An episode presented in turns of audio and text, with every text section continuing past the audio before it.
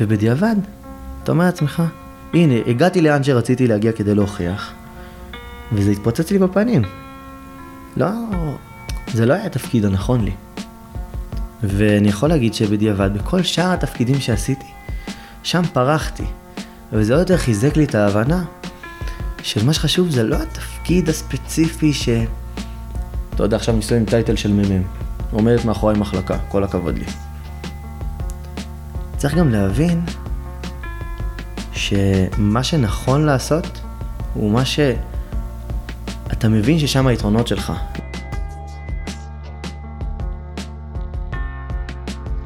אהלן חבר'ה, בפרק הזה אני מארח את נדב רחבי.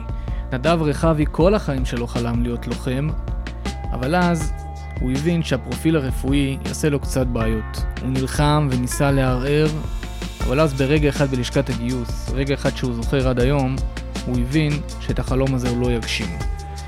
הרגע הזה הביא איתו הרבה קושי והרבה אתגרים, גרר אותו לשירות אחר לגמרי ממה שהוא דמיין, אבל שירות מאוד משמעותי, ודווקא מתוך החוויה הזאת, הוא מביא איתו היום הרבה תובנות מדהימות שהוא למד לאורך הדרך.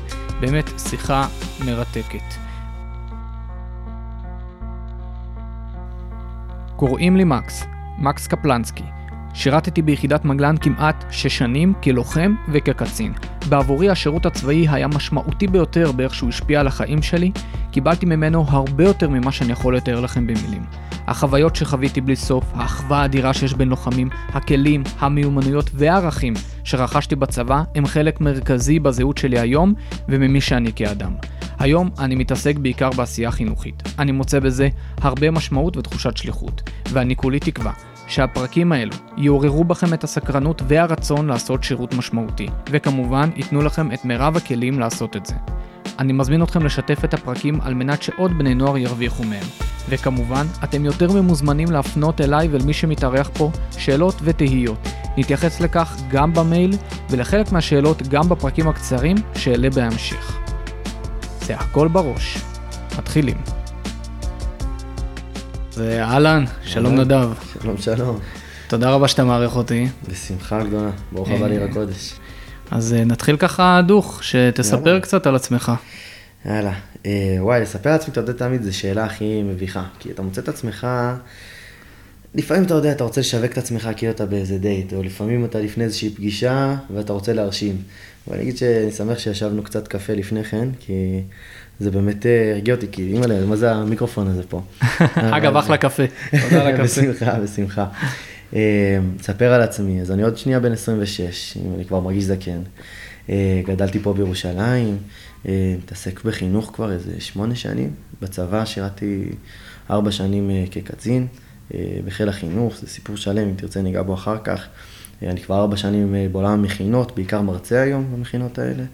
אה, לומד באוניברסיטה, בעיקר אוהב לארח, לטייל, וממש אוהב להכין אוכל לאנשים. זה אחד הדברים הכי כיפים בשבילי. כן. כן, תראה מה, את הקפה. מה אתה אוהב להכין? אמ, האמת שאני אוהב ממש להכין אה, בשרים לאנשים, אבל לא, לא עכשיו עם האשנה, מה שעולה על המחבת, אבל אה, ממש אוהב לראות אנשים מחייכים אחרי שכזה האוכל אה, נמצא להם בתוך הלסת, אימא'לה, זה הדבר הכי כיף בעולם בערך.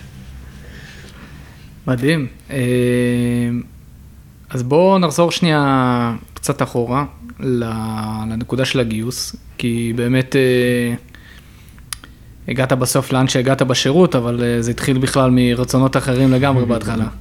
כן. אני. אשמח שתשתף קצת על לאיזה, גם לאיזה בית גדלת, מה בכלל היו השאיפות ואיך הדברים ככה התפתחו. וואלה, זה סיפור חיי בגדול.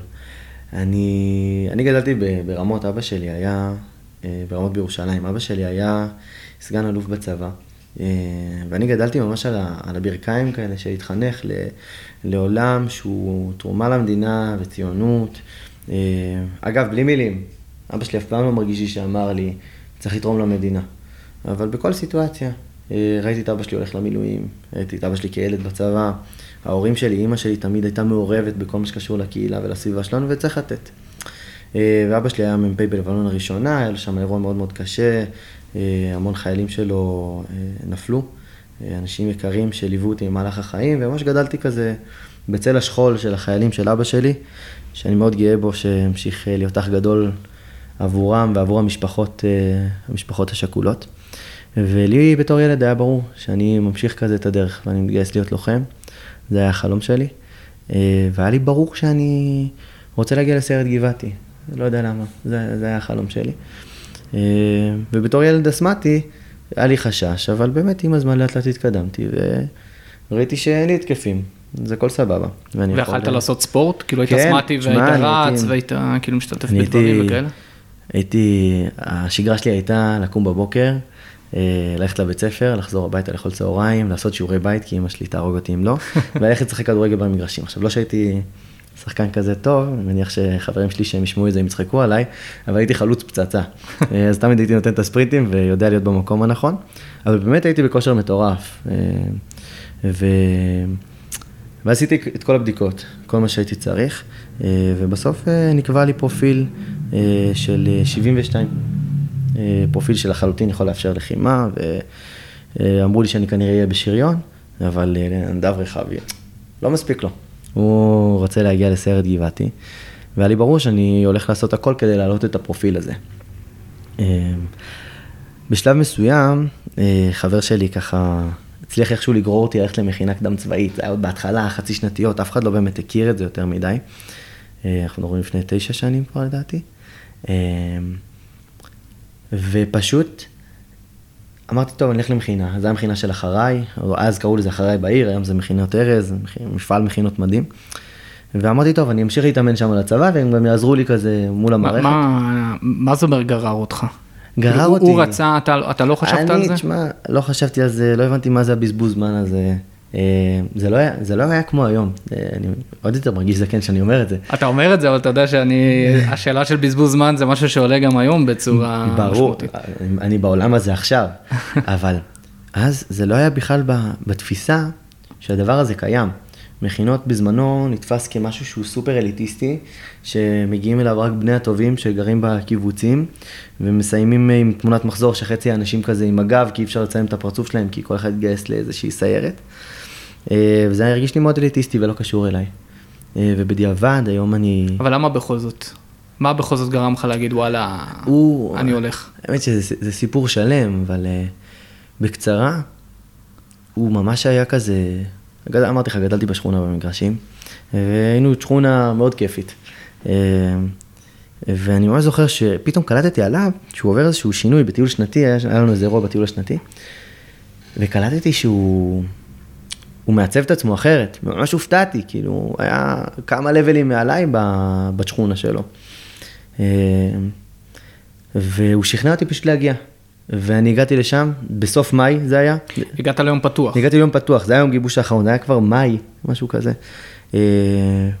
אה, אמרו לי כזה, אם אתה רוצה תגיע בבוקר יש אה, מיונים, בערב יש, תבוא לראיון, בערב יש גיבוש, אם אתה עובר אותו אתה בפנים. הגעתי לראיון בבוקר, התלהבתי, אמרו לי אם אתה רוצה בשעה חמש, זה היה עוד ארבע שעות והיה לי איזה משהו שהייתי צריך לעשות. עוד ארבע שעות תהיה פה חזרה, אחרי שהספקתי לחזור חזרה הביתה, לאכול צהריים, אה, לעשות איזשהו פרויקט שלקחתי חלק ממנו, ולחזור לערב גיבוש. אה, ושם באמת התאהבתי, ממש ראיתי את האנשים, ראיתי אנשים פשוטים וחברים, והרגישתי שזה, שזה רוח נכונה. ומשהו בלב שלי אמר לי ללכת לשם. באמת, אה, החלטתי שאני שם, ונראה לי שמאז התחיל הרומן שלי עם אה, עולם המכינות, שהוא חלק בלתי נפרד ממני, מה, מהעבודה שלי היום, מהעשייה החברתית שלי היום, במיזם שאני מוביל. אה, וזה באמת שינה לי את החיים. מכינה קדם צבאית. אתה יודע, נרוץ שנייה, אולי קדימה באמת למקום של הגיוס, ובאמת כן. נחזור שנייה לסיפור נכון. עצמו. לא, זה, זה, זה בסדר, פשוט יהיה מעניין אותי, בכוונה התעכבתי שנייה לנקודה, כי יהיה מעניין אותי לשאול אחרי זה, דווקא אחרי שהחבר'ה שמעו שנייה את הסיפור, אה, כמה מקום למכינה היה בעיצוב של הזהות שלך ובאיך שהתמודדת עם הדברים ועם הגיוס ועם כל הסיפור הזה. זה, אנחנו, אנחנו נחזור לזה. כן. אבל אני אשמח שנחזור באמת לעניין של הפרופיל, כאילו אתה יוצא לאיזושהי דרך שאתה אומר וואלה אני מתאבד על זה, כאילו לא משנה מה, אני, אני מקבל את הפרופיל ואני בסוף אהיה בסרט גבעתי. אני, אני מתאבד על זה. טונה אומר שאין חומות שאי אפשר לשבור.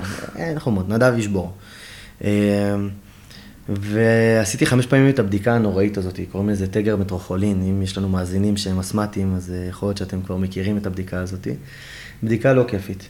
אתה כזה רץ על הליכון, ואז באינלציה מחברים לך חומר שמפעיל לך את האסתמה, ואז אה, מכניסים לך, מכניסים לך את, ה, זה ממש כזה כמו ינשוף כזה של המשטרה, מקווה שלא לא התנסית בו אף פעם. אתה מכניס אותו לפה, ואז אתה צריך ממש כזה לתת שאיפה חזקה החוצה, אה, ולכבות את כל הנרות על העוגה. ממש כאילו חוגגים לך יום הולדת שם. ועשיתי את הבדיקה הזאת כמה פעמים, וכל פעם בבדיקה מגבירים לך את המינון של החומר שמפעיל את האסתמה, וחמש פעמים הגעתי למינון האחד לפני האחרון, ממש נר אחד, בנר האחרון כזה, מתנודנד כזה רוקד, ולא נכבה בסוף. אבל בסוף אני מראה יציבות, ואני מראה שאני בכושר ממש ממש טוב. אה, ועם זה ניגשתי כל פעם. אה, היה איזשהו שלב שאמרתי שאני רוצה, אני ממשיך לנסות להעלות את הפרופיל שלי. הגעתי ליום פתוח של הלשכת גיוס פה בירושלים, וניגשתי לאותו רופא שקבע לי את הפרופיל. ואמרתי לו, תשמע, הנה, הנה המסמכים, הוא כבר המנהל של הלשכת גיוס של, החל... של, ה... של האגף הרפואי שם, אומר למזכירה, לא נמאס לך לראות את נדב, הוא בא לפה כל, אה, כל שבועיים, נעשה זה, מה אתה עושה פה? אמרתי לו, אני אצליח להעלות את הפרופיל, אתה תראה מה זה. ואז נכנסתי, לפר... נכנסתי לרופא, ואני מציג לו את המסמכים. ואני מספר לו, אני רוצה להיות לוחם, אני רוצה להיות סרט גבעתי, כל הדברים האלה. ובאמת מדבר על הערך של כאילו, למה אני רוצה להיות שם. ואז הוא מסתכל עליי כזה, הוא אומר לי, אני לא אשכח את, את הרגע הזה, הוא אומר לי כזה, מה הפרופיל שלך? ואני כזה, יש לי 72, מי קבע לך אותו? אמרתי לו, אתה? אז הוא אומר לי, לא, לא, יש פה טעות, ואני כזה, יש, אלוהים, תודה שאתה איתי וזה סוף סוף, איזה כיף לי. אז אה, הוא אומר לי, כן, אני, אני לא מבין איך, איך יש לך 72, אמור להיות לך בכלל 64. ואני אחרי מסעות שלמים של לא, להראות את הפרופיל. הסתכלתי ואמרתי לו, מה? אני לא, לפי הנתונים האלה אתה אמור להיות עם 64. אני זוכר את עצמי, כאילו אוסף את הדפים, לא, לא, עזוב, לא משנה, תשאיר לי את זה ב-72, אני, אני אסתדר עם זה.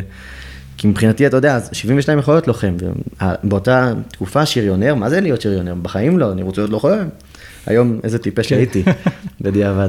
אה, ברור שלהיות שריונר, אה, למרות שאני לא מתחרט על קמצוץ ממה שהיה לי בחיים, זו המתנה הכי גדולה שהייתה לי. כן, אני, אני זוכר שהייתי במסלול, עשיתי את המסלול במגלן, ואתה בטוח שאתה מלך העולם, שאתה עושה תרגיל אחד ברמת הגולן עם טנק לידך שיורה. משפיל אותך. רגע, מה, מה התפקיד שלי פה בעולם, בוא אפשר, אה, אני זוכר שממש צחקנו על זה, כל החבר'ה כזה, סוג של אה, יאני, זרקנו את הנשק על הרצפה ועונה, יאללה בוא נלך הביתה. אפשר לפרק את החבילה. אתה יורה על מטרות קרטון עם הפיקות האלה, פתאום נותן לך איזה פגז ו-762 איזה צרור ואתה... ממש כן. ככה, ממש ככה. אז כאילו, עכשיו אני הייתי, עם כל זה שאני סופר, הייתי אסרטיבי עם לשנות, אני בסוף בן אדם מנומס. ההורים שלי חינכו אותי חינוך קצר. בן אדם מנומס, אה, במיוחד לא אחד שיצעק על אה, רופא, קצין בצבא. אה, ואני, באמת, אני, אני זוכר את עצמי שם, התעצבנתי עליו, השתגעתי. באמת התחלתי לצעוק, מה פתאום, אתה לא מוריד לי את הפרופיל, זה לא הגיוני, זה לא קורה. זה, זה החלום שלי, אתה קבעת לי את הפרופיל, תראה, אני מנסה להסביר לו. בשלב מסוים הרכז שלי מהמכינה, שומע את זה מבחוץ, פשוט נכנס, כאילו, נדב לא הגיוני שהוא יצעק עכשיו בצורה כזאת על מישהו. והוא מנסה להבין מה קורה, ואני אומר לו, הבניה כזה, הוא מוריד לי את הפרופיל, הוא ככה.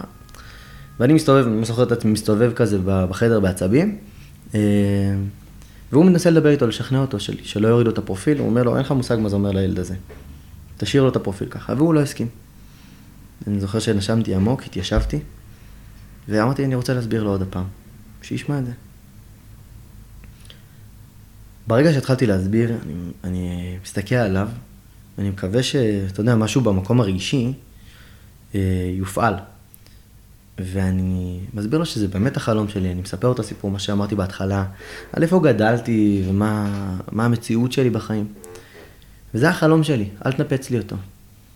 ואז הוא הסתכל עליי, אני זוכר שהיה לו עיניים כחולות, אה, בצבע כזה של, אה, של הים בבוקר, משהו הכי יפה בעולם.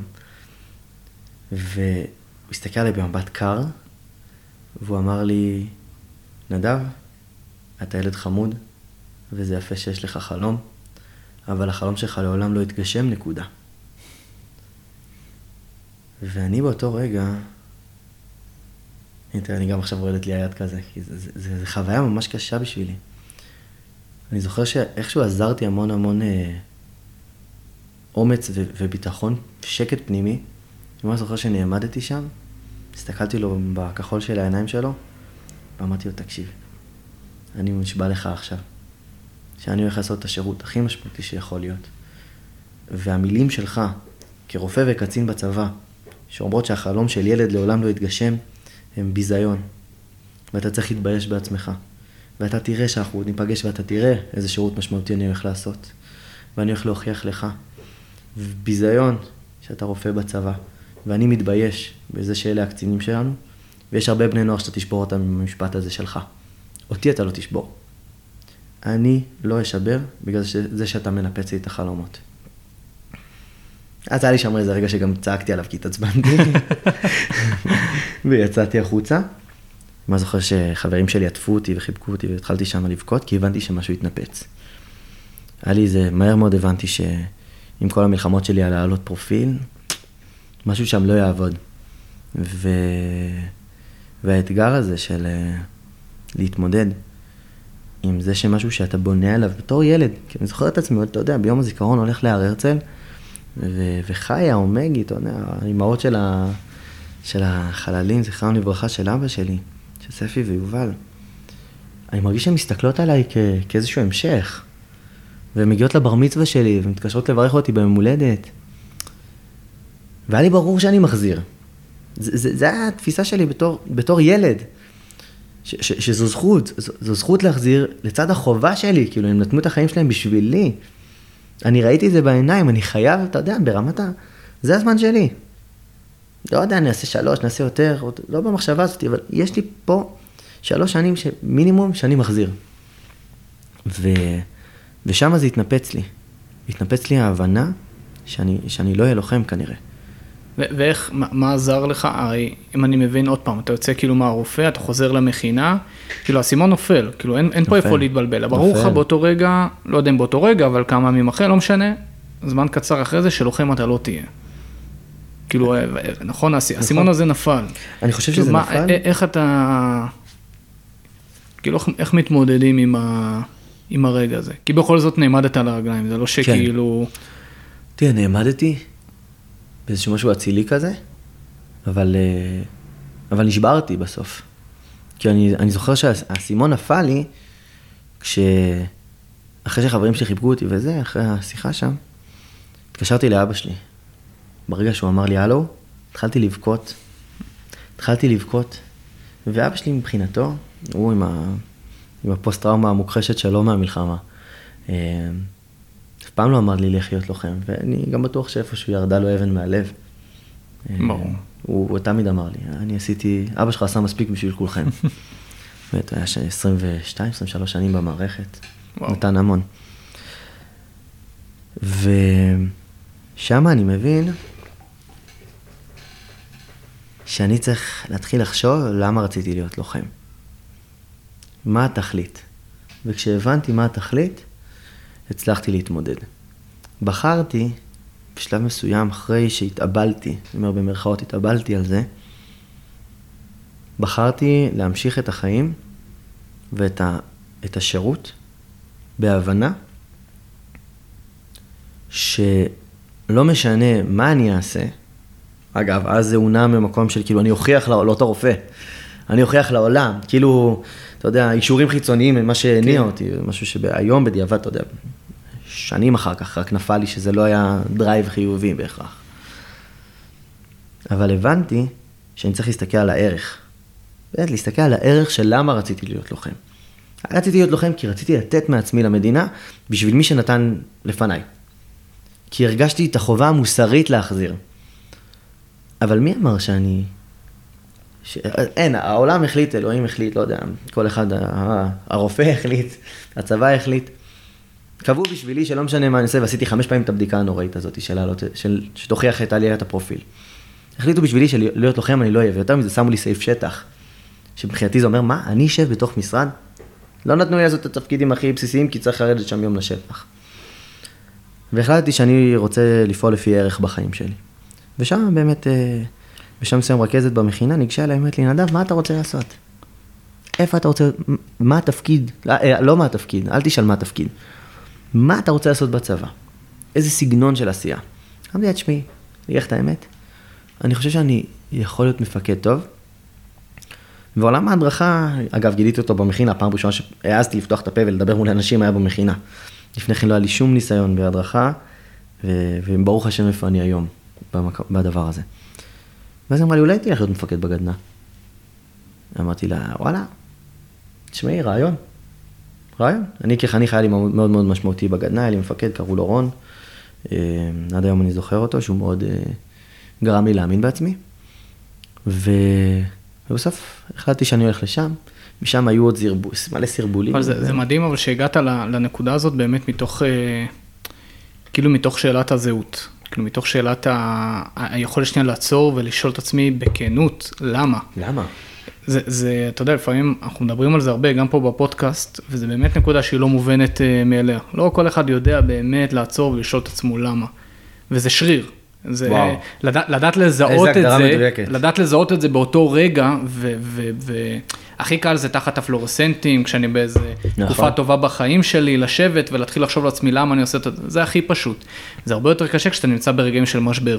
כשאתה נמצא ברגעים של קושי, כשאתה נמצא בתקופה לא טובה, דווקא שמה להתחבר. כי הרבה פעמים התשובה היא לאו דווקא כזאת שהיא באיזשהו מקום במרכאות מסיטה אותך מהחלום, ממה אתה רוצה לעשות. נכון.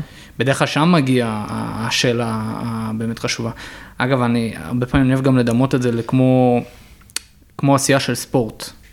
כאילו זה, זה נכון לגבי כל דבר בחיים, גם בספורט. כאילו אם אני עכשיו... אה, אין בעיה שאתה עושה ספורט, כי בא לך להגיע לאיזה שהן תוצאות, ואתה רוצה לראות גוף מסוים, או לרדת למשקל מסוים, או כי חשוב לך גם ממה, מאיך שאנשים רואים אותך בים, זה סבבה.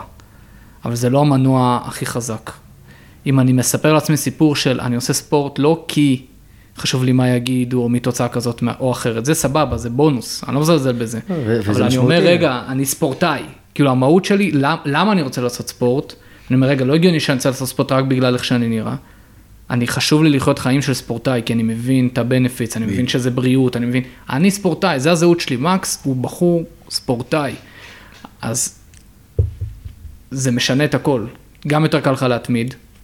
חד משמעית. גם אתה מקבל דברים יותר בפרופורציה, גם פתאום, אה, לא יודע, מה שבוע פחות טוב, אז זה לא כזה נורא. אתה, אתה, אתה, הרבה יותר קל לך להגשים את הדברים שאתה באמת רוצה לעשות. השאלה הזאת של הזהות, של הלמה, למה באמת אני עושה את מה שאני עושה, היא שאלה קריטית. רק תגיד לי, תקן אותי במשפט, אני חושב שבמידה רבה, כאילו, אם לא היית במכינה, זאת אומרת, אם יש משהו שמכינה יודעת לעשות, בעצירה המתודית הזאת, מה זה מתודית? היא אמיתית, זה שאתה פתאום עוצר את החיים שלך, שאתה פתאום נכנס לתוך מקום שמאפשר לך לחשוב, עם מדריכים שמכווינים אותך, שמאפשר לך שנייה, רגע, עד עכשיו הייתי ההוא בשכונה ולימודים והישגים, אבל פתאום יש לך זמן לעצמך. זה באמת נותן לך את הפלטפורמה גם באמת שנייה לשאול את עצמך את השאלות האלה, כי אם לא היית בבחינה לאו דווקא, לא בטוח שהיית שואל את עצמך את השאלה הזאת. תעשה לי להגיד לך, אני אענה לך מה שאני עונה, היום מזמינים אותי לפעמים לדבר עם ה... אני היום מרצה במכינה שהייתי בחניך, אוקיי? והראש מכינה, איש יקר, קוראים לו יותם, הוא מזמין אותי לדבר במפגש הורים לפני תחילת המכינה. גם כי זה מן הראוי להביא מישהו שהוא מרצה במכינה וקצת שיכירו, וגם כאח בוגר. כשאני מגיע לשם אני לגמרי אח בוגר של החניכים. ואני מספר להם שכשניגשתי ל... שאמרתי לאבא שלי, זה, זה הכל היה מה, מהיום להיום כזה, סיפרתי לך על המכינה, כזה סיימנו טיול שנתי, יום אחרי זה בבוקר הלכתי לראיון, חזרתי לאכול צהריים עם אבא שלי, בדיוק היה שם, אני זוכר אותו חותך את השניצל עם החומוס, ובאותו ערב היה לי גיבוש. הוא אומר לי, מה איפה היית היום? לא הלכת לבית ספר? לא, הייתי באיזה ראיון, אבא, משהו. ואז סיפרתי לו, אני רוצה ללכת למכינה, זה חצי שנתי, זה משהו חדש וזה, אני רק דוחה בארבעה חודשים. עכשיו, אבא שלי איש מדהים, אבל אתה יודע, מהדור הישן, מפעם, גדל במושב, מסתכל עליי, הפתעתם, אני שלו כזה, עושה, לא הבנתי מה אתה צריך את החרא הזה, אני חוסך לך כסף לאוניברסיטה, לך תתגייס, תשתחרר, לך תלמד, אני רוצה שתצליח בחיים. ממש ככה. אמרתי לו, לא אבא, זה חשוב, וזה, בסוף הוא אמר, יודע מה, תעשה מה שאתה רוצה. היום כשאני פוגש את, ה, את ההורים, אני תמיד אומר להם את המשפט הזה של אבא שלי, ואני אומר להם שאבא שלי הוא התומך הכי נלהב אולי של מכינות חצי שנתיות. וכמות הפעמים שאני, אבא שלי כזה פתאום, אבא שלי היום מטפל, שומע נדב, יש... אה, הבת של המטופל שלי, עכשיו היא בי"ב, היא מתלבטת איזה מכינה ללכת. אני רוצה שהיא תלך, זה חשוב. מה שמדבר, שזה בדיוק הסיפור. אני יכול להעיד שזה הדבר ששינה לי את החיים, ואני מאמין לזה שזה דבר ששינה לי את החיים. אבל אני חושב שהסביבה שלי שמכירה אותי, היא, אתה יודע, אבא שלי, אימא שלי מסתכלת על, ה, על המכינה, והיא אומרת ש, ש, שפשוט פרחתי שם. כל הדברים שבתור ילד, אני הרגשתי שאימא שלי, אימא שלי תמיד, אמרה לי, אתה צריך ללכת למקום של, של, של במה ושל משחק, ו, ולהגשים את עצמך מול אנשים. והיא, אתה תראה אותה איך היא מסתכלת על המכינה היום, מבחינתה, היא קיבלה את, ה, את הבן שלה בגרסה הכי טובה שיש בעולם, שמגשים את עצמו. ולכן, דווקא שאחרים מעידים על כמה הדבר הזה משמעותי, נותן גם לי את הגושפנקה על כמה הדבר הזה שינה לי את החיים. וזה מדהים. באמת המפעל, אולי המפעל הציוני הכי מוערך בעיניי היום, והכי מעצב ומחנך שיכול להיות. לכן גם זה מה שאני, אתה יודע, בוחר להתעסק איתו היום. אה, בין אם, אתה יודע, כמרצה, ובין אם במיזם ש, שאני מוביל היום. זה, זה לגמרי משם, לגמרי מהנקודות האלה. מדהים. ווואי, אפשר לדבר רק על העניין של המחיר, תמיד זה, זה גורר אותי לשער, אפשר, אה, אני אומר לכל מי שפה מאזין, אם, אם, אם מהפודקאסט הזה המינימום שיצא זה שמישהו בסוף הולך אה, לעשות מכינה, הולך ליום פתוח ומשם נגרר למכינה, אנחנו את... את שלנו עשינו. דיר באלק, אתם לא הולכים חבר'ה. אני לא רואה אתכם עכשיו מול העיניים, אבל אה, תדמיינו שאני עושה לכם נו נו נו עם היד. אתם חייבים לא, ללכת. שתבין, אני גם בתור רכז הכנה לצבא בנתיבות, שזה תפקיד שאני עושה בעיר, אה, זה היעד המרכזי. ברור. היעד המרכזי שלי זה שחבר'ה יצאו למכינה. ברור. לפני כשאני מתעסק עם לאן תתגייס, עזוב, לא אכפת, תתגייס לאן שאתה רוצה, לך לשם. תלך למכינה. ברור. הקסם יקרה שמה ו... וזה באמת קסם. זה באמת קסם. אין, אין, אין איך להסביר את זה. ואתה יודע, אני גם אגיד שזה לאו דווקא, אנחנו הרבה פעמים אומרים, המקום משנה אותך. זה לא כי המקום לא. בא ומחדיר לך איזה רעיונות, ופתאום מישהו בא ואומר לך, עכשיו התנהגת לא בסדר. Hmm. הפלטפורמה, חבר'ה, הסביבה שזה מייצר לך, היא כזאת שמאפשרת לך באמת באמת לגדול פי כמה וכמה ממה שהבית ספר יושב, וגם לרוב הרבה יותר ממה שהצבא מאפשר. נכון. זה מקום שזה המהות שלו, המהות שלו לאפשר לך לגדול, להבין מי אתה, לשאול את השאלות האלה, לא להתבייש, להיות עם אנשים שעוזרים לך, שמים לך מראות. לגמרי. זה גם תהליך לא מראות, פשוט. כמה מראות. מראות זה קשוח. אבל uh, נחזור שנייה באמת לעניין של הגיוס, כאילו שהמכינה נותנת לך באמת הבסיס הזה, את היכולת שנייה לנחות על משהו רך, משהו אמיתי, משהו ש... אה, לך להתגבר. אה, אני אשמח שתספר שנייה על מה קורה בתוך התהליכים של הצבא, כי באמת הנקודה שלה להוכיח, כן. לא עזבה אותך לגמרי. לא עזבה אותי, זה נכון. אה, תשמע, הסיפור הזה של לרצות להוכיח את עצמך, יש לו המון יתרונות.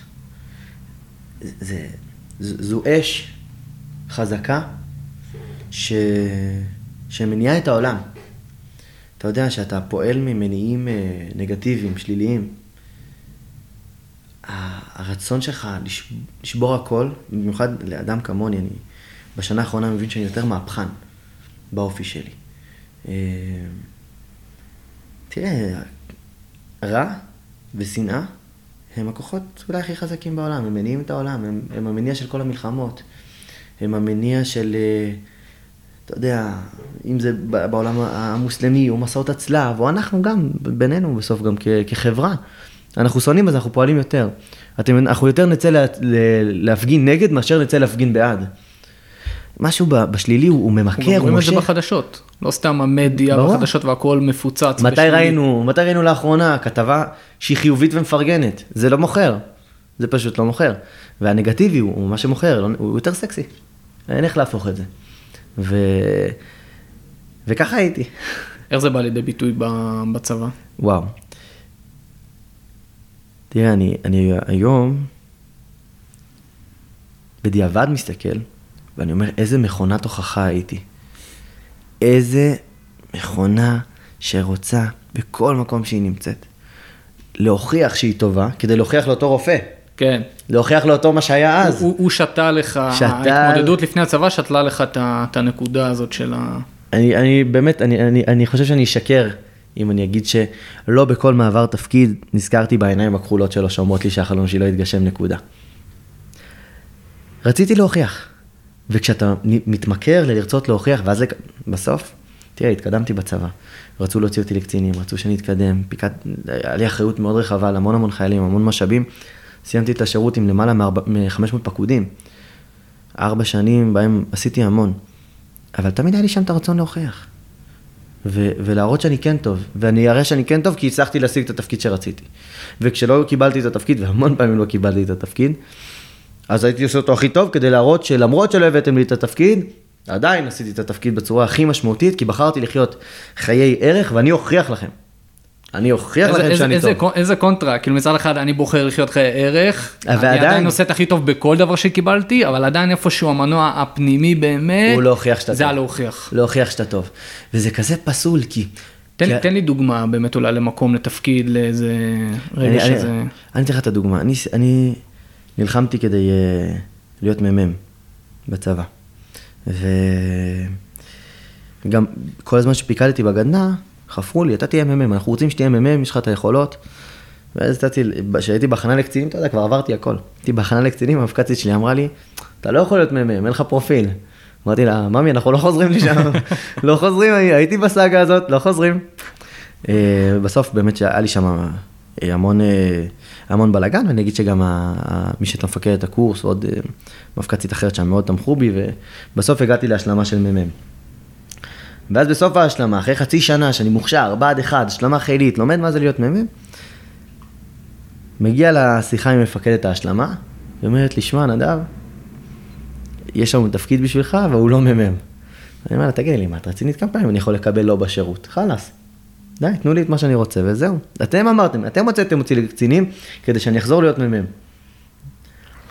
ופיקדתי על יחידה שנקראת אה, מיצג חילות, יחידה שלצערי נסגרה, יחידה מדהימה אה, למאזינים שלנו, אם הייתם בפסטיבל אה, יותר וראיתם את החלק הצבאי שם, או בעקבות לוחמים, או לא יודע, המקומות האלה, אני כבר לא יודע מה רץ היום, אבל זה היה מה שאנחנו היינו עושים, היינו אחראים על חשיפה ועידוד גיוס.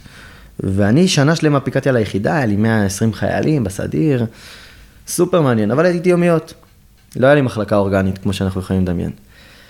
וממש התעקשתי לחזור להיות מ"מ, לחזור להיות מ"מ. אני לא ויתרתי על זה. ואחרי שנה את- הייתי, הייתי בגג העולם כבר ביחידה הזאת, באמת שיניתי שם המון. קיבלתי להיות מ"מ במחווה, מחווה אלון. הייתי מ"מ אה, בטירונות. והיית מבסוט, ו- וקיבלת את מה שרצית סוף סוף סוף. סוף קיבלתי את מה שרציתי. סוף סוף. אה, גם במגמה, תשמע, הכשרתי עולים חדשים לעברית, היה, היה מעניין. בדיעבד, ומחווה אני מתנצל, זה היה התפקיד הכי חרא שעשיתי. לא נהניתי, אחי. לא נהניתי, זה לא היה אני. לא היה בשבילי השבלוני הזה.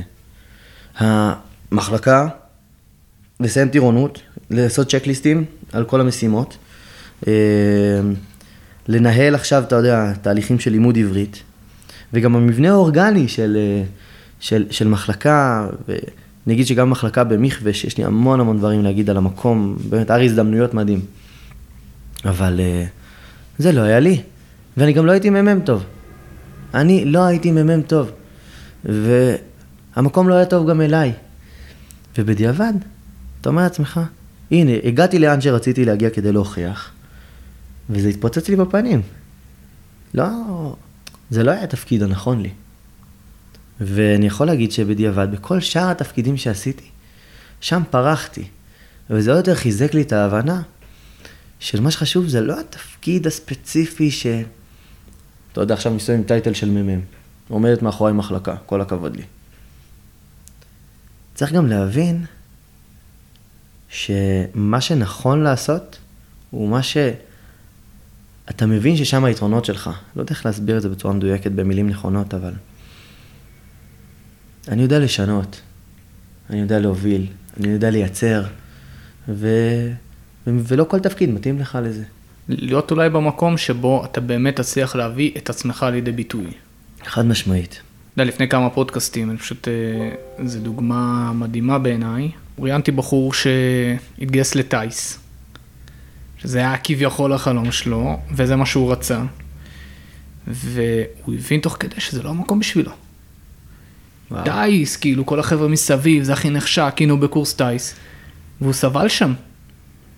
בסוף הוא נפל, הוא הגיע כביכול מהכי גבוה, כביכול הכי נמוך, אגב, לשריון. אחלה שריון שבעולם, חבר'ה. והוא גילה את עצמו שם בענק, כי פתאום הוא מבין, רגע, אני, עכשיו, כמה, כמה לפעמים אתה יכול להיות מנותק ממי שאתה, שאתה אומר, אני כל החיים שלי מדריך בצופים, אני איזה הדרכה, עניינים, טייס, זה המקום הכי סוליסטי. אני בכלל בן אדם של אנשים, תן לי כאילו להניע מח... מה לי ולטייס להיות בקו... פתאום בתור אה, קצין, אגב, הוא יצא לקצונה, זה רק מוכיח כמה הוא באמת היה שייך לשם.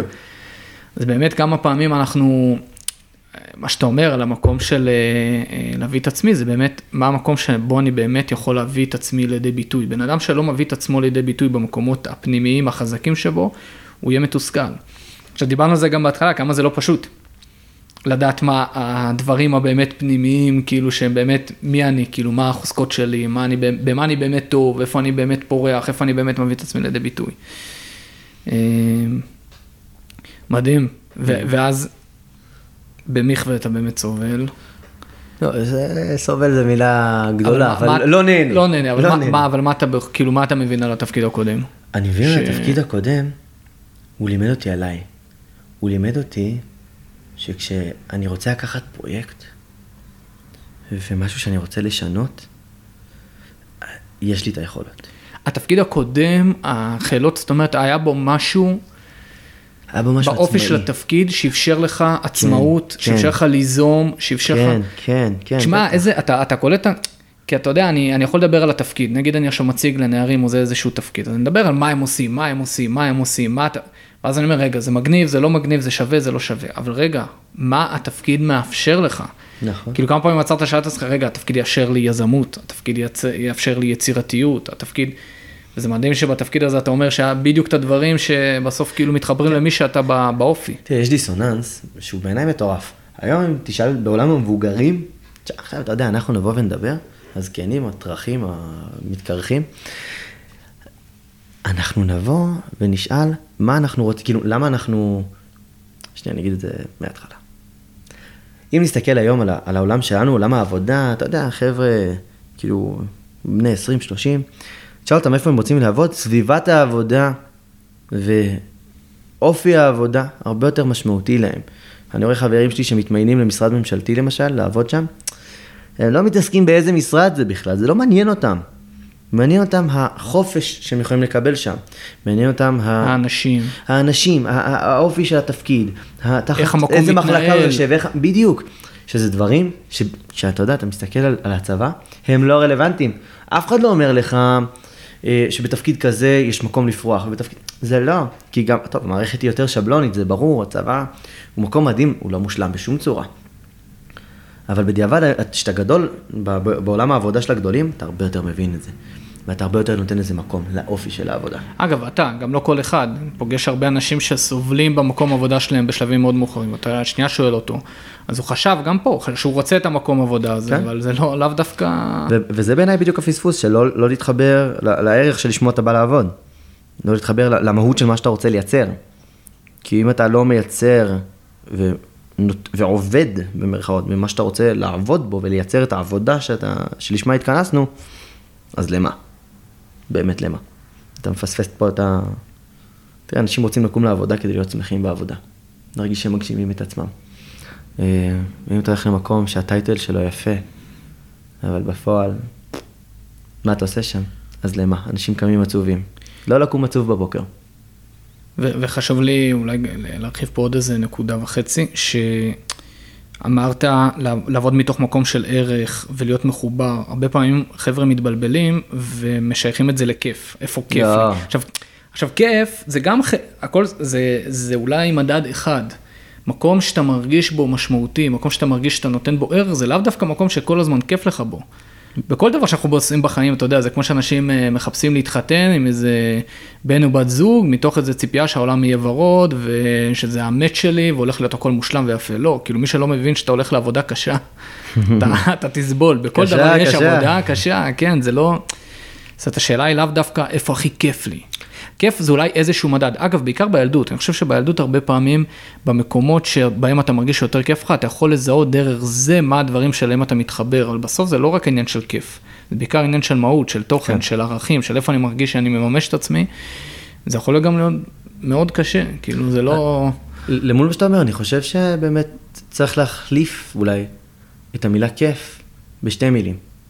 טוב, שטוב לי, ובמשמעות, שאני אני מקבל סיפוק ממה שאני עושה, ולכן כיף לי, לכן טוב לי. כיף הוא, אתה יודע, אגב, יש אה, מחקר מהמם של דן אריאלי, שהם אה, ביקשו מאנשים ביקשו מאנשים באיזשהו אופן אה, לעשות אה, איזשהו משהו מנייר. אמרו להם, כל פעם כשאתם עושים, אתם מביאים את זה למרצה, אתם מקבלים על זה שקל. נטו, תעשו את זה, זהו. עניין סטודנטיאלי, נותנים לך לעשות איזשהו, בוא תשתתף במחקר, אתה מקבל על זה שקל. זה הכל. ואז יש שם שתי קבוצות. קבוצה אחת, נתנו למרצה, המרצה ישב, צ'יקמק את זה, זרק לפח אפילו בלי להסתכל. וקבוצה שנייה, המרצה הסתכל ואמר, וואו, יפה, כל הכבוד, ושם את זה במגירה. עכשיו, אתה בתור סטודנט יודע שאין איזשהו משמעות, כן? זה, זה משהו מצ'וקמק כשאתה עושה מגירה, מתגל... אף אחד לא יראה את זה אחרי... מגלשה ישירות לפח. אתה מקבל על זה כסף, ועדיין התוצאות בקבוצה השנייה שקיבלה פידבק היו פי כמה וכמה יותר גבוהות, דרך זה שבאמת אנשים מחפש, אנחנו מחפשים להרגיש משמעותיים, אנחנו מחפשים להרגיש שרואים אותנו, אנחנו מחפשים לראות, זה הרבה יותר חשוב לנו מכסף כזה או אחר, או גם הנקודה הזאת היא חשובה, של שיהיה לי טוב ושאני ארגיש משמעותי, שאני ארגיש שיש לי משמעות, שהם רואים את מה שאני עושה, שיש לזה חשיבות.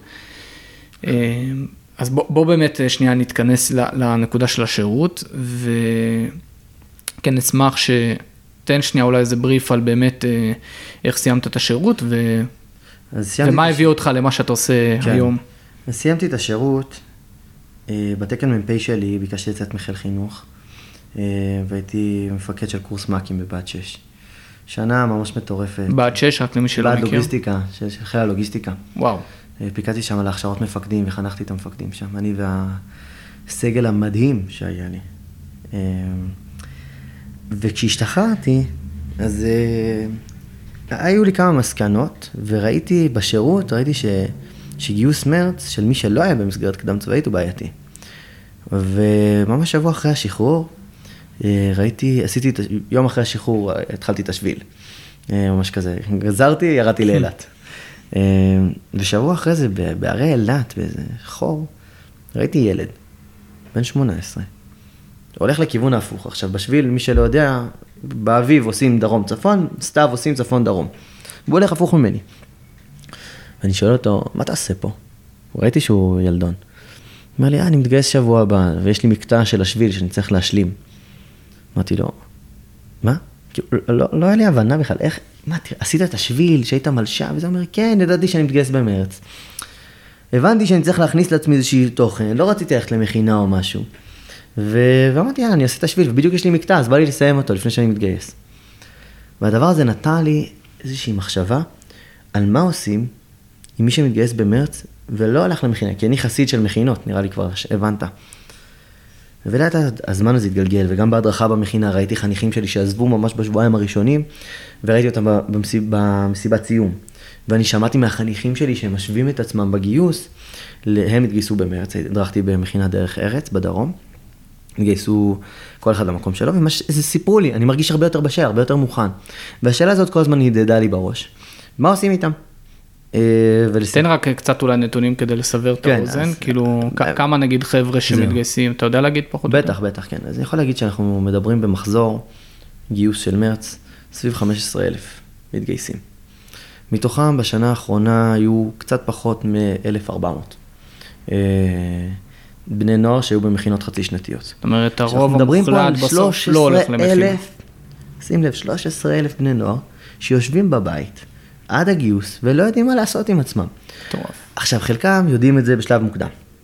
חלקם יודעים את זה, מקבלים עדכון במהלך הקיץ. חלקם מקבלים את העדכון שלהם בחגים, באוקטובר, הם, הם חושבים שהם מתגייסים בדצמבר, בום, דוחים להם את זה. וזה מסה בעיניי מרכזית, אני לא יודע להגיד נתונים מדויקים, אני ביקשתי את זה גם מהצבא כדי ללמוד. אבל אנחנו מדברים פה על המון המון בני נוער שפשוט יושבים ולא עושים כלום. ומה הבעיה?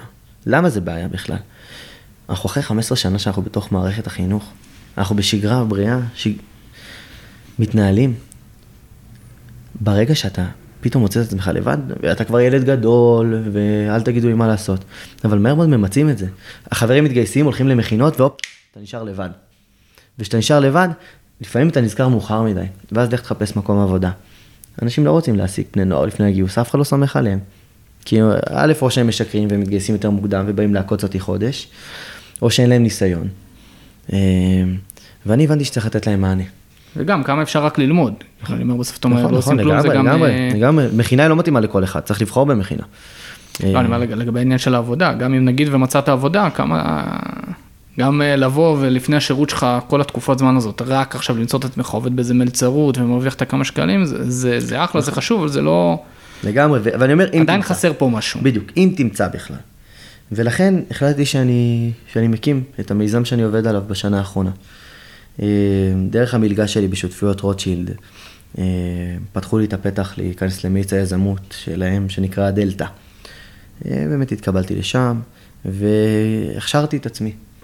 הכשרתי את עצמי כיזם, כדי להקים את המיזם הזה, יחד עם מאיץ יזמות של העירייה, עם החטיבה לקידום נוער שם, קוראים לזה מחוץ למסגרת, ועוד המון שותפים מדהימים שחברו אליי בדרך, עם אגף חברה שעוטף אותי בכל מקום, ואגף קידום עסקים, ורשות הצעירים, ומראש העיר שתומך בנו באופן נלהב. באמת המון המון אנשים טובים, ועמותת ידידים שנכנסה לתמונה בשלב מאוחר יותר. והחלטתי שאני מקים את מתגייסים לתעסוקה. מה זה מתגייסים לתעסוקה? הבנתי שצריך לתת מענה לבני הנוער האלה, והבנתי שהם רוצים לעבוד. חשבתי מה זה עבודה. ופתאום אמרתי, וואי, יש מודל שהוא כבר עובד. יש מודל של עבודה מועדפת אחרי הצבא, במקצועות, אני אומר במרכאות זוטרים, שייכים ל... לעולם העבודה הישן, וצריך ידיים עובדות. חסרים מאות עובדים אה, בעולם המסעדנות, אם לא אלפים, אה, בארץ, בירושלים במיוחד, במיוחד אחרי הקורונה. והחלטתי שאני מקים את מתגייסים לתעסוקה, שהיא תוכנית עבודה מועדפת, חינוכית, קדם צבאית, לאותם בני נוער שמתגייסים בחודש מרץ. אה, בתוכנית החבר'ה נכנסים לעבוד במודל של ארבע משמרות בשבוע, לעסקים אה, פה בירושלים, אגב, מסעדות מדהימות אני, שהעירייה באגף קידום עסקים בחר לקדם. אם זה, אתה יודע, גן סיפור, וקדוש, וחצות, וג'וזף, ורימון, ובאמת עוד, עוד כמה מקומות מדהימים, אני לא אתחיל למנות את כולם. אז הם עובדים שם בארבע משמרות בשבוע, ועם חברים לתוכנית. הם מקבלים מענק בסוף התוכנית של 3,000 שקלים, בנוסף למשכורת שלהם. אנחנו מלווים אותם אה, בעבודה מול מיטב, ואולי הדבר הכי חשוב בעיניי, זה שאנחנו תוכנית חינוכית. פעם בשבוע ביום שלישי בערב החבר'ה מתכנסים, מגיעים אלינו, ומקבלים תכנים ברוח מכינאית. תכנים של אה, הכנה לשירות משמעותי, התנהלות כלכלית נכונה, ציונות, הכרת החברה הישראלית. הם עצמם כקבוצה פועלים כדי להקים את התוכנית הזאת. אני מסתכל עליהם כשותפים וחלוצים לכל דבר. אנחנו פה כי אנחנו מקימים, מקימים מסגרת קדם צבאית רביעית במדינת ישראל. אין שום סיבה ש- שלא נסתכל על זה ככה, יש צורך, צריך עובדים. יש פה המון בני נוער שלא עושים משהו לפני הצבא, וקשה להם למצוא עבודה. בואו נעשה את החיבור הזה. ולחיבור הזה בואו נוסיף עוד רובד של הכנה לצבא, בואו נוסיף עוד רובד חינוכי. של תוכן. של תוכן, בואו בוא, בוא ניתן לכם לפרוח, שתגיעו לצבא הרבה יותר בשלים. ו- ומכאן אנחנו עובדים. אה, ולשמחתי כבר אנחנו בשלבי גיוס מתקדמים, כמעט הגענו ליעד שלנו. וואו, אני, אני חייב שנייה להגיד שזה נשמע פרויקט מדהים. תודה רבה. אה, באמת, איך שקראתי לזה את הכתבה ושמעתי על זה, ראיתי נראה לי איזה משהו בפייסבוק, ישר אה, שלחתי לך הודעה. נכון. כי קודם כל אני מאוד מעריך את ה...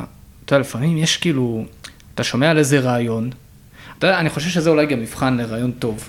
כשאתה שומע משהו שאתה אומר, וואו, זה כל כך נצרך, וזה כל כך פשוט, איך זה לא קרה עד עכשיו? אתה כאילו, זה, זה, זה, זה רעיון, אה, זה רעיון טוב.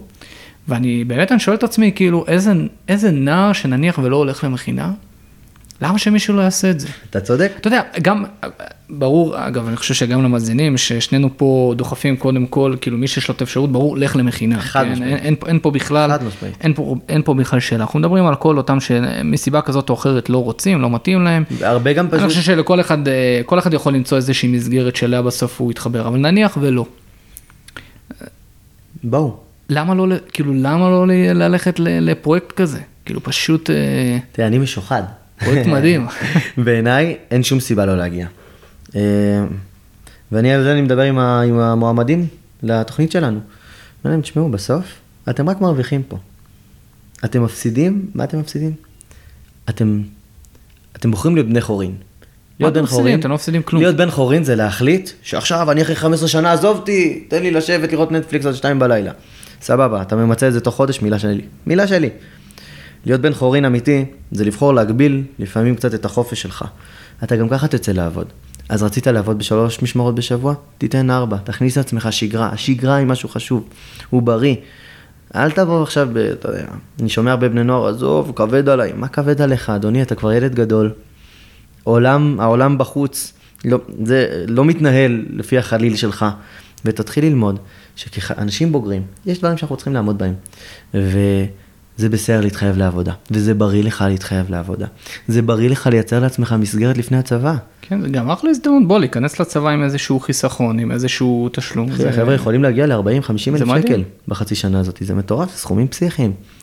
ועוד אתה יודע, אתה עוד מקבל על זה מענק, בנוסף לכל, עוד בלי שעבדת עליו שקל, אה, דקה. אתה מקבל עוד מענק. באמת. פרויקט מדהים שאנחנו עובדים אגב כדי להגדיל אותו, אנחנו מתחילים פה ספר קצת בירושלים. באמת על השנה, על השנה הקרובה. אז זהו, אז השנה אנחנו נפעל בירושלים, אה, שזו עיר הבירה, עיר הולדתי היקרה והאהובה, אה, עם המון חיבורים טובים לאנשים מדהימים אה, בדרך. ובעזרת השם, בשנה הבאה, תשמע, אנחנו בשיחות כבר לגדילה ולהתפתחות. אני ארשה לעצמי להגיד שבאר שבע מעוניינים שנגיע אליהם, ועוד כמה רשויות. נתיבות גם מעוניינים. יאללה, אני, אני בפנים. רק תקרא לי, אני בא לפגישה עם ראש העיר מצידי. ובאמת אני מאמין שצעד צעד, יום יבוא והבשורה תישמע.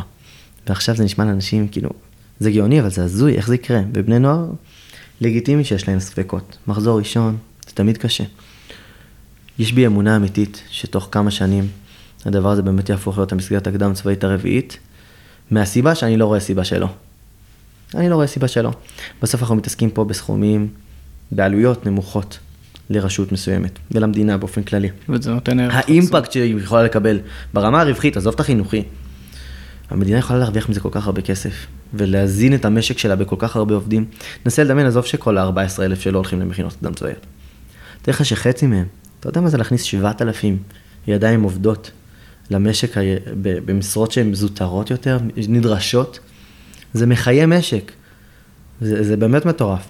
אגב, זה גם מאפשר לעיר לקבל עוד איזשהו, אה, עוד איזושהי נקודת השפעה על הנוער שלו. ברור, גם הנוער רוצה לחזור. מנהיגות מקומית, ברור. אה, להתחבר למקום שבו אתה לגמרי. גדל, אתה לומד להכיר את העיר, זאת אומרת אפשר לעשות פה עוד, אה, באמת אה, פשוט נשמע מדהים. תראה, המטרה שלי בסוף היא שאני אומר ירושלים היא עיר ציונית, מבחינתי, ואני רוצה לשמור את העיר ציונית. ואני רוצה שיישארו חבר'ה זו צעירים. אמירה חשובה, אתה יודע. וואי, ברור, ברור. לא מובן מאליו היום. מה? זה, זה גם מרתיח אותי שהמילה ציונות היא כבר לא קונצנזוס, אבל זה לפודקאסט הבא תקרא לי. אבל אני אגיד שמבחינתי, לדעתי כשאני מביא לנער שחצי שנה יכל להיות בחוויה של אף אחד לא שם עליי, ואני נמצא במקום שאף אחד לא מסתכל עליי, והעירייה והעיר בחרה להשקיע בי, גורם לי לרצות לחזור אליה. גורם לי לבוא ולהגיד, יש לי פה בית, ובבית הזה מחבקים אותי, הם מסתכלים עליי, ומעריכים אותי ואת מה שאני יודע לתת בחזרה. ויש לי פה איפה לתת גם, יש לי נכון. איפה לפרוח, יש לי איפה אחרי זה להיכנס נכון, כאן, נכון. ו... ומכאן באמת המיזם הזה נולד. הגשמת חלום, ממש ככה. איזה יופי. אה, אתה רוצה ששנייה נדבר על השנה הקרובה? כאילו אני יכול מבחינת להגיד. הפרקטית של, יש לך עוד מקום לח- לחבר'ה לשנה הקרובה? כן, כן, אני אגיד? במשפט.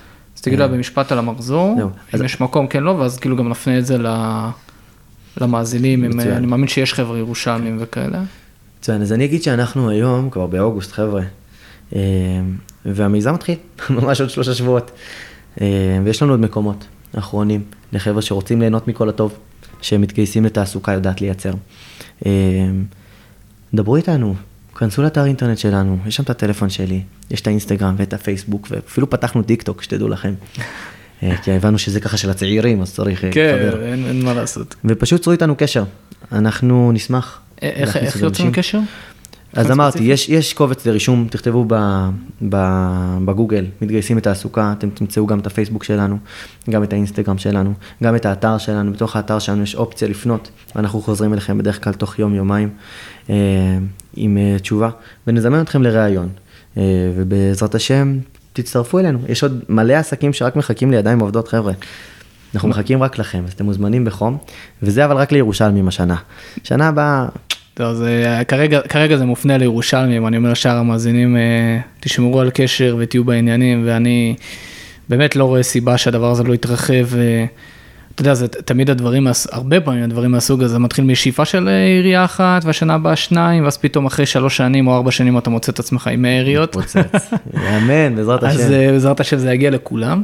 אה, אפשר גם, חבר'ה, אפשר גם לפנות אלינו, כאילו, כן. אתם יכולים גם לשלוח מייל לכתובת מייל שנמצאת פה בפודקאסט או ביוטיוב, לשלוח מייל, עונה לכם תוך אה, יום-יומיים, אני כבר אה, אגיב לכם ויביא לכם את המספר של אה, נדב או מה שצריך ותוכלו ליצור, אה, תוכלו ליצור קשר. מדהים. אגב, אני מבקש עוד משהו, אה, חברים יקרים, ככה להיעזר בכם.